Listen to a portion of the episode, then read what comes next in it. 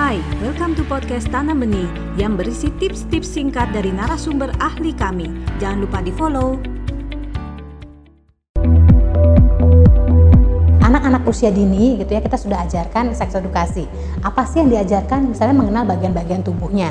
Vagina, kita sebut vagina, penis, kita sebut penis. Kita mesti mengajarkan mana sih bagian-bagian yang boleh dilihat oleh orang lain, mana sih bagian-bagian yang boleh dipegang orang lain, dan siapa yang boleh melihat dan boleh memegangnya. Lalu bagian-bagian private apa aja yang tidak boleh dilihat dan dipegang itu harus kita ajarkan ke anak ya misalnya mulut, dada, kemaluan itu termasuk bagian-bagian private anak yang tidak boleh dilihat atau dipegang oleh orang lain. Maka itu penting banget seks edukasi kita terapkan kepada anak salah satunya untuk mencegah terjadinya pelecehan seksual. Anda baru saja mendengarkan tips dari Tanam Benih Foundation.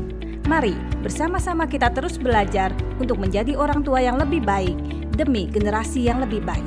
Jangan lupa follow podcast kami